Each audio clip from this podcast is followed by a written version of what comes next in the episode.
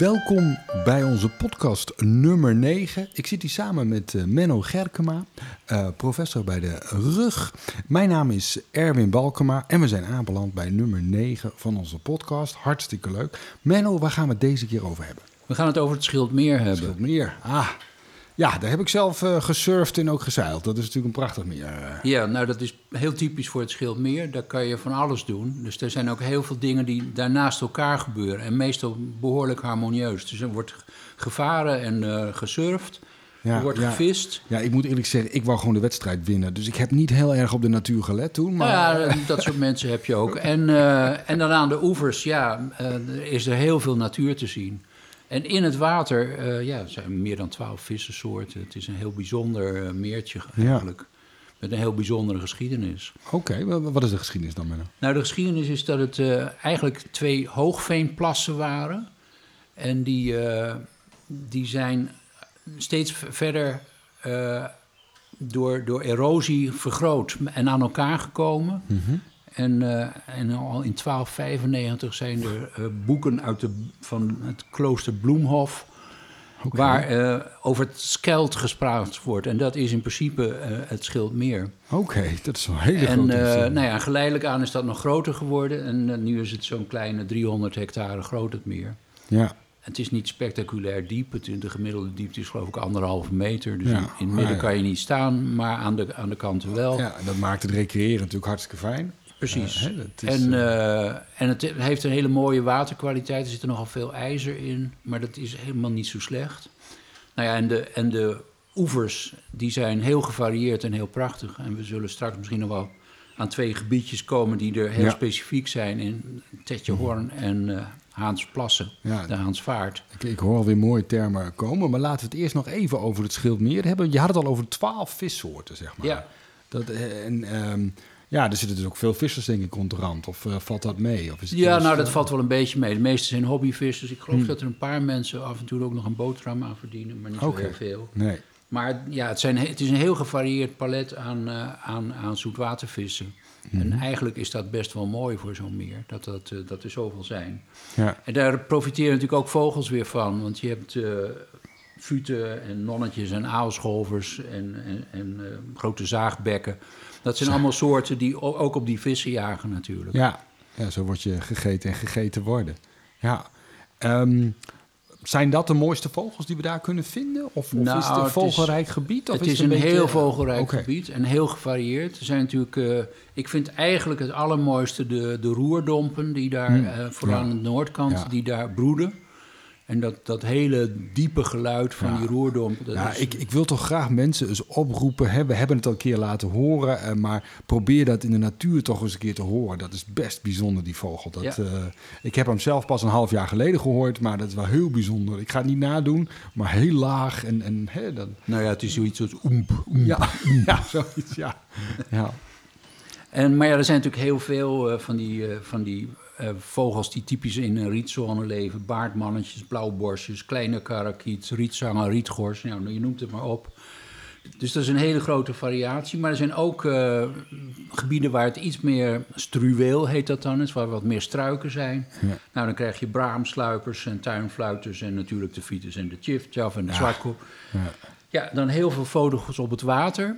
En afhankelijk van, uh, van, van het tijd van het jaar, uh, in de winter natuurlijk heel veel ganzen en uh, heel veel eendensoorten. Hm. Het is ook een geliefde slaapplaats voor grote zilverreigers, soms wel 100 tot 200 stuks. Zo.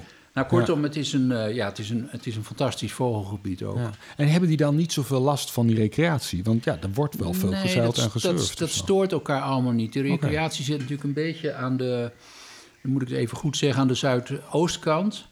En, uh, en dat is allemaal niet zo heftig. En uh, het is wel gelukt om, om de ergste toestanden met, met van die hele snelle boten die enorme golven maken, om dat er een beetje uit te krijgen. Ja. Dus het is eigenlijk een heel prettig ja. recreatiemeer geworden. Ja. Oké, okay, dat, zijn, dat zijn prachtige uh, vogels, Menno. Als je kijkt naar andere dieren die we daar kunnen vinden. Nou ja, waar we op zitten te wachten is natuurlijk... we hebben al gesignaleerd, de otter zit uh, in, in Woudbloem. Ja. Er is geen enkele hindernis waarom die niet heel binnenkort... ook uh, in, in het uh, Schildmeer aan te ah. treffen zou zijn.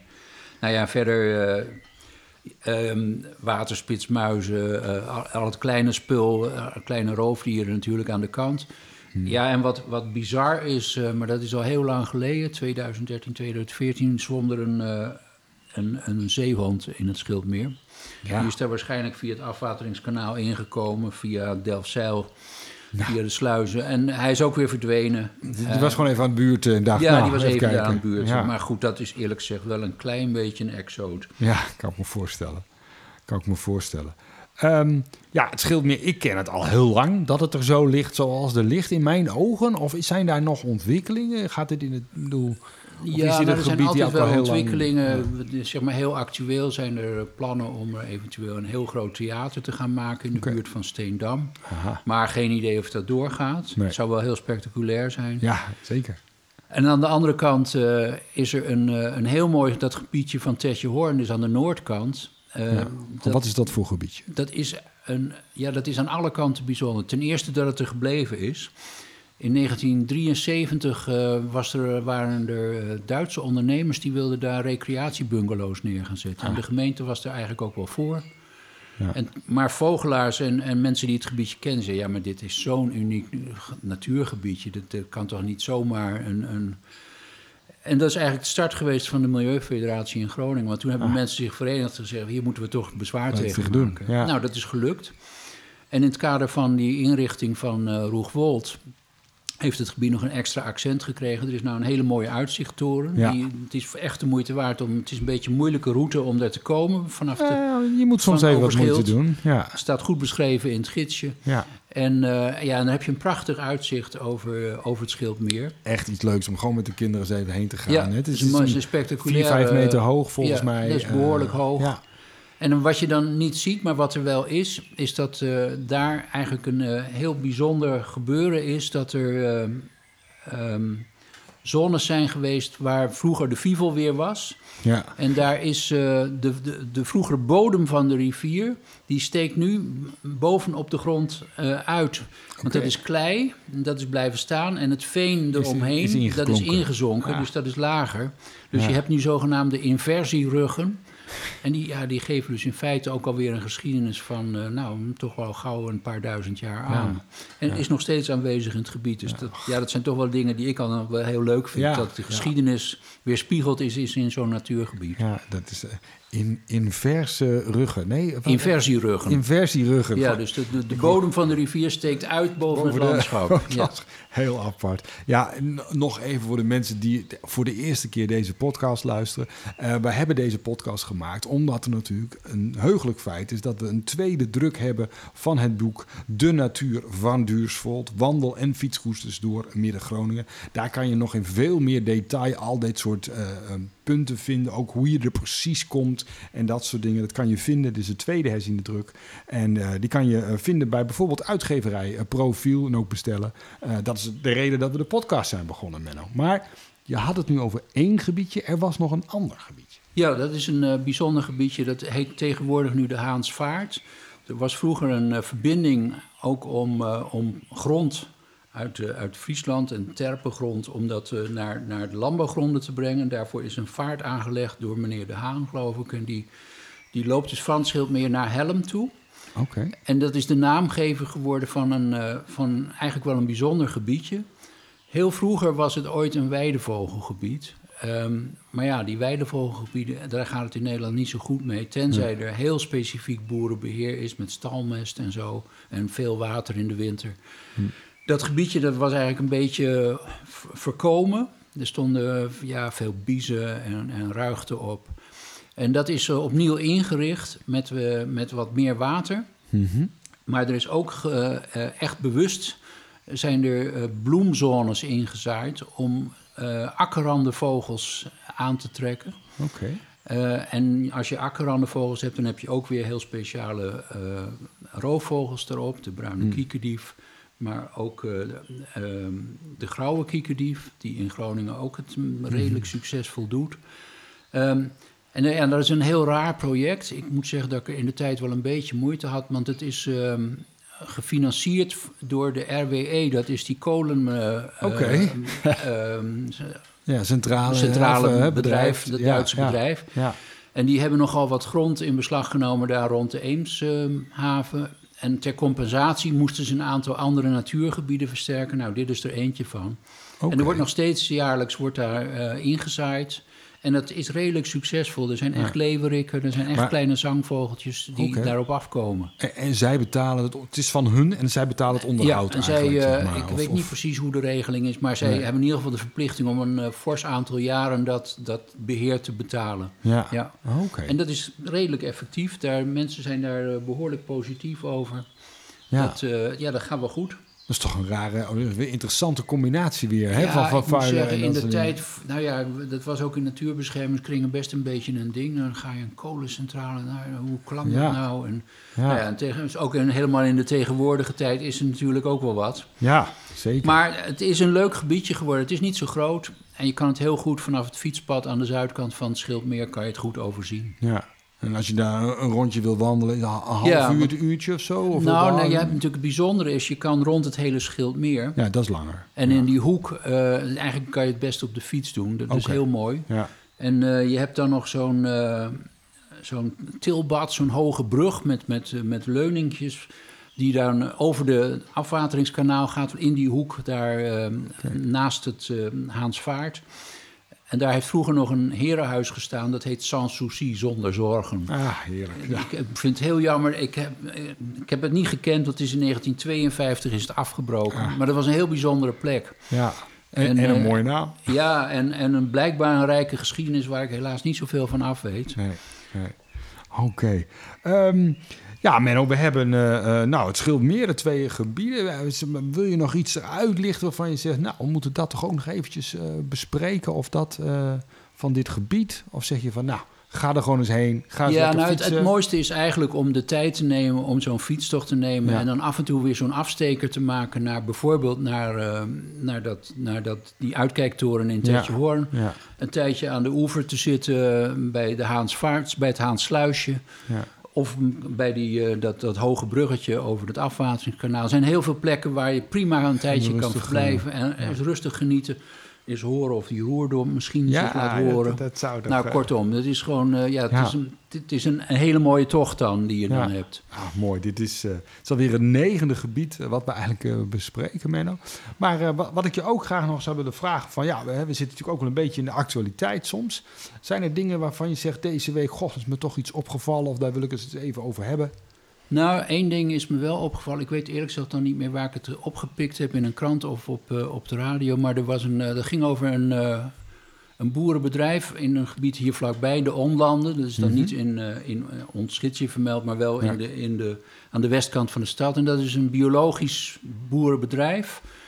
Ja, en die, die, die zijn nu ook, worden, zijn ook potentieel slachtoffer van de, van de plannen om de ammoniak terug te dringen. Ja, En, eh, ja, dat heeft me toch ook wel weer aan het denken gezet van waar zijn we nou precies mee bezig. Er wordt Ja. iets te makkelijk, denk ik, in die hele discussie gepraat over boeren, alsof dat één, eh, één, één ding is. ja, Net zo variabel als de natuur is, zijn eigenlijk ook boeren. Je hebt alle soorten van boeren. ja, En wat een beetje treurig is, vind ik, dat, eh, dat heel veel van de problemen die zijn terug te voeren op, ja, op, op dat boeren in een bepaald soort fuik zijn terechtgekomen van enorme productie. ja, Eigenlijk het ene eiwit, eh, bijvoorbeeld sojaschroot, omzet in het andere eiwit, eh, eh, melk of, of vlees. En er zijn een paar hele grote spelers die altijd een beetje buiten, buiten schot blijven. Er zijn, eh, de NRC had laatst een artikel waar eh, de familie Arkel, de familie De Heus en de familie Van Drie. De een doet eh, heel veel in zuivel, de ander is de grote voedingsindustrie en de Ja. derde is de supermestkalver van Nederland. ja, Dat zijn bedrijven die enorm veel subsidie opstrijken, die ja, achter alle acties staan, die, die dat gewoon sponsoren, tot, tot met rechtszaken aan toe. Ja, en daar hebben de gewone boeren eigenlijk heel weinig mee te maken. Die zijn alleen maar opgedreven om nog meer te gaan produceren tegen Ja. nog lagere prijzen. Ik- en ik- dat gaat niet goed. nee. Ik, en dat zien ze zelf ook. Ik vind het mooi, Menno, dat jij natuurlijk oud-voorman van, van de Milieufederatie... toch nu eigenlijk ook wel een kleine lans breekt voor, voor de verschillende boeren eigenlijk. Dat, ja, zeker. dat zit En- volgens en- jou dan eigenlijk het kwaad niet onder, eromheen, wat je net noemde, de, de, de veevoer. Ja, nou, die melk, grote spelers. en, en eerlijk gezegd, er zijn ook een oud aantal oud-Kamerleden, die zijn gewoon letterlijk in, in dienst van dit soort clubs. Ja. Er zijn mensen die, eh, die zijn, eh, hoe heet dat, die, die sponsoren de kippenindustrie. Er zijn anderen die... Ja. Een, een huidig Kamerlid was zat vroeger in het varkengebeuren. Er zijn een mevrouw die is in het veetransport. Ja. Ja, die, het zijn allemaal mensen met dubbele petten. Ja. En die, die hebben hun eigen, verde- verdedigen eigen grote belangen. Ze zitten voor een deel in de, in de quote Maar- 500. Het zijn dus echte grote spelers. En daar hebben die gewone boeren helemaal niets aan. Nee. Maar En ze- als ik het wel goed begrepen heb, Menno, want ik volg het ook. Je weet, hè, m- m- mijn zus heeft een, een boerenbedrijf, dus het komt heel dichtbij. En ik heb een struggeling gezien. Wat ik vooral irritant vond, was het... eh, deed dit jaar naar links en volgend jaar naar rechts, Ja. leek het soms wel eens. En, en oh god, die melkprijs was maar laag. Hè, en dat, daar moest alles voor wijken. Ehm, maar als ik het goed begrepen heb, dan is het wel zo dat er nu een schets ligt Ja. die nu het komende jaar door de provincies ingevuld moet worden. Jazeker, dus het is ook helemaal geen gelopen race. En er moet, en, nou, er moet echt maatwerk gebeuren. Ja, Eh, en dat is een hele ingewikkelde operatie. want, want ik heb ook dat artikel gelezen wat, wat het NRC beschreef over dat het, nou ja, op de Bijbelbelt of wat dan ook, dat daar, nou ja, daar zaten hele grote bedrijven vlakbij. De, nou, daar zit echt de pijn, zeg Ja, maar. natuurlijk. Terwijl het hier in Groningen wel Valt een beetje meeviel. Ja, Of, of- maar er zijn natuurlijk heel veel boeren die hebben zich gedwongen gevoeld, ook door banken gestimuleerd, om enorm ja, de Rabobank ook nog een grote factor. Ja. Dus een enorm grote schaal op gaan opereren. En hebben ze daar nou wat aan gehad? Nou, eigenlijk niet, want de, de, de, de, heel veel zuivelboeren hebben het knap lastig. Die, Ja. die kunnen economisch, kan dat nauwelijks Ja, uit. Ik ja. vind ook, wij betalen veel te weinig voor onze zuivel bijvoorbeeld. Ja, Eh, ja, ik vind dat is eigenlijk belachelijk. ja. Eh, maar, de, maar die lobby richt. De, de, de connectie is dus niet tussen boeren en klanten. Dat is in andere landen soms wel eens anders. Maar het is. Maar dat, dat vind ik, want ik heb toevallig iemand die zit bij de herenboeren. Ik weet niet of je daar wel eens van gehoord hebt. Dat er dus dan een aparte boerderij gestart wordt waar de klanten omheen zitten. Ja, en jij een- bepaalt mede hoe dat dan gaat.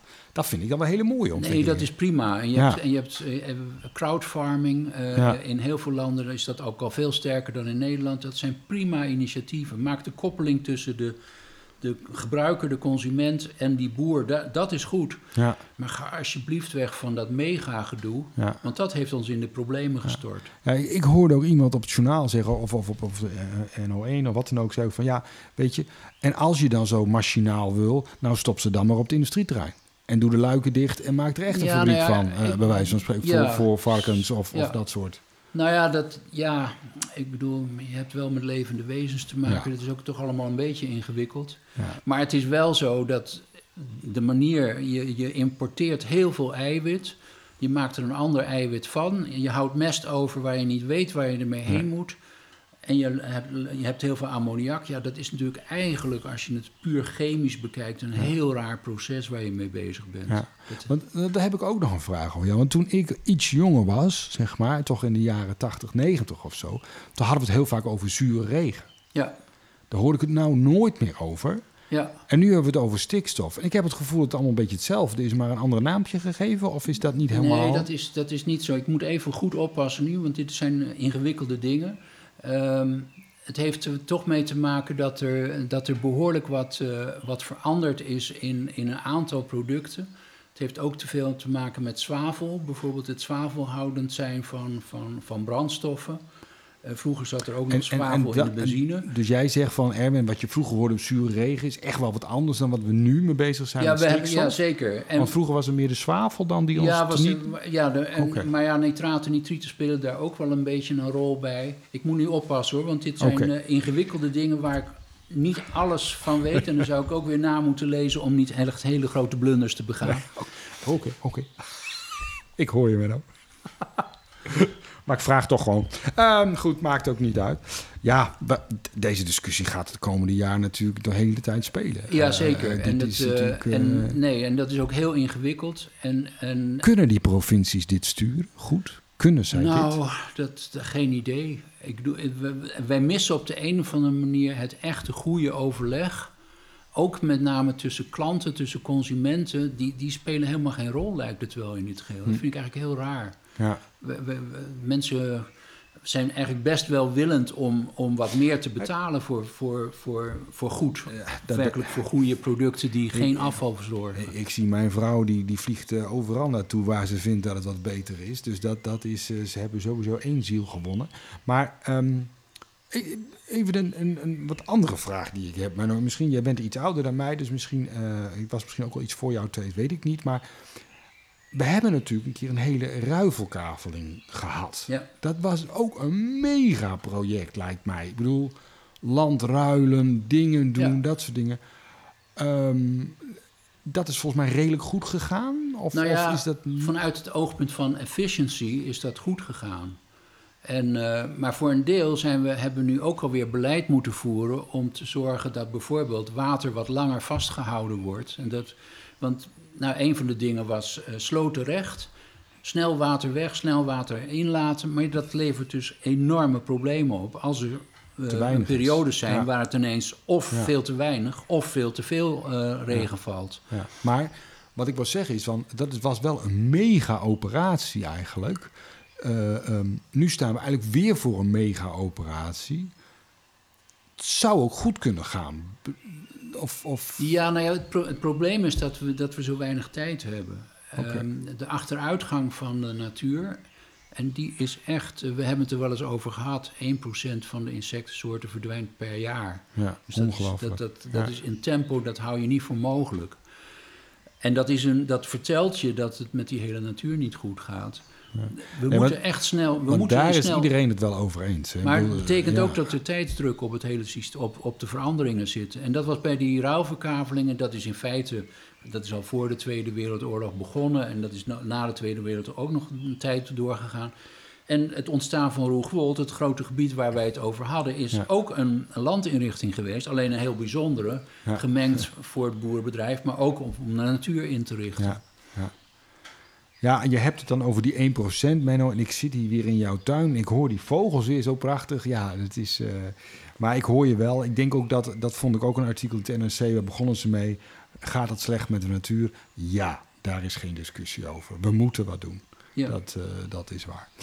Ehm, ja, ik denk dat we hem hier even bij afsluiten, Menno. Of wil je nog een laatste opmerking erover maken? Of eh, je wil toch graag het laatste woord, dus... Nou, ja, zeker wel. Nou, ik vind het wel leuk om, eh, om de, de volgende podcast bij wijze van spreken al aan te kondigen. We gaan dan naar het bos van de Vrijlema. Ja, En prachtig. dat is, eh, als er nou ooit iets artificieels is gemaakt, dan is dat het bos van de Vrijlema. Maar ga er eens naartoe. Ja, Het is een fantastisch eh, stukje in, eh, in Midden-Groningen. Ik, eh, ik, ik snap dat jij de natuur waardeert, maar ik waardeer het ook gewoon om met mijn kinderen daar te wandelen, die op, op houten dingen mogen slaan en weet ik allemaal veel. En, Nee, ja, en er staan hele mooie follies en van Ja, alles. Het is, ja, nee, het is een genot om het daarover te gaan hebben. Nou, dat gaan we volgende keer doen. Dus mensen, als u dit gewoon een leuke podcast vindt, abonneer u dan even op de podcast. Dan krijgt u direct een herinnering als de volgende weer online staat. Dat doen we elke week.